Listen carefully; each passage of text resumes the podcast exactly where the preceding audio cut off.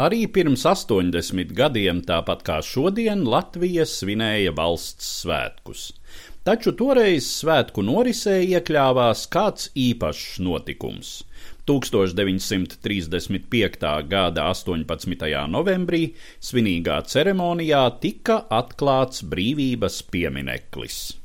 Doma par to, ka Latvijai būtu jāceļ piemineklis, godinot neatkarības karā kritušos un apliecinot uzticību izcīnītās brīvības ideāliem, radās 1922. gadā.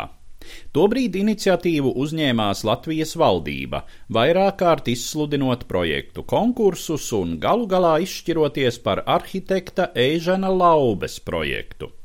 Tomēr 1923. gada aprīlī valdība saņēma vairāku desmitu dažādu mākslas nozaru profesionāļu vēstuli, kurā laubes projekts tika raksturots kā parasta kapu pieminekļa materiāls palielinājums. Tā paša gada oktobrī tika izsludināts jauns atklāts konkurss, kuram iesniedza veselus 29 projektus, no kuriem neviens tomēr netika atzīts par īstenošanas vērtu. Tāpat rezultātu nedeva arī 1925. gadā sarīkots slēgts konkurss. Starp priekšlikumu autoriem bija daudzi tā laika izcilākie latviešu telnieki Kārlis Zāle, Marta Liepiņa Skulme, Teodors Zaļkalns un Emīls Melderis, taču viņu priekšlikumi tā arī nepārliecināja vērtētājus.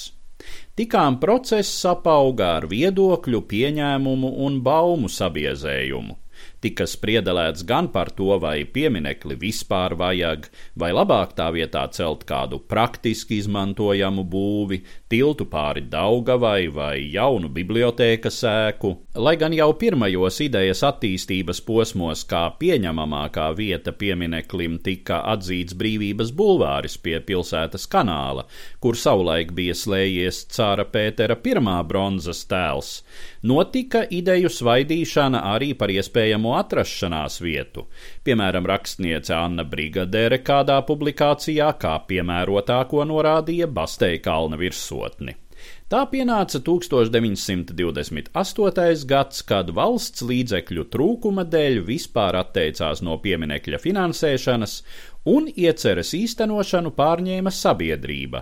Tika nodibināta brīvības pieminekļa komiteja un sākās ziedojumu vākšana pieminekļa būvniecībai. Tā vien šķiet, ka politisku ietekmju attālināšana ļāva vērienīgajai iecerēji ievirzīties racionālākā, objektīvākā gultnē. 1930. gadā izsludinātā konkursa žūrija Mākslas akadēmijas rektora Vilhelma Purvīša vadībā jau pirmajā sēdē nobalsoja par rezultātu.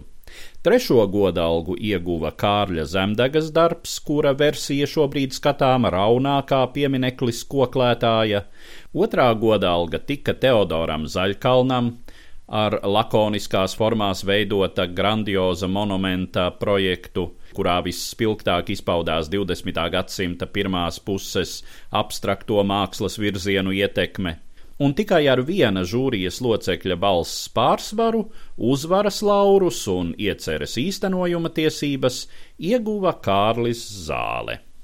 Brīvības pieminekļa autoram bija jābūt nevien talantīgam tēlniekam, bet arī izcilam organizatoram, pilnībā uzņemoties pieminekļa daudzo skulptūrālo grupu izgatavošanu. Visu darbam nepieciešamo granītu vajadzēja importēt no Somijas, pieminekļa stāva apdarēja izmantoto travertīnu no Itālijas. Pieminekļa virsotnē esošais brīvības tēls tika kalts no vara plāksnēm, un šo darbu veica zviedru metālmākslinieks Ragnārs Mirsmēdens. Ļoti nozīmīga loma pieminekļa galīgā veidola tapšanā bija arī arhitektam Ernestam Štālbergam stāstīja Eduards Liniņš.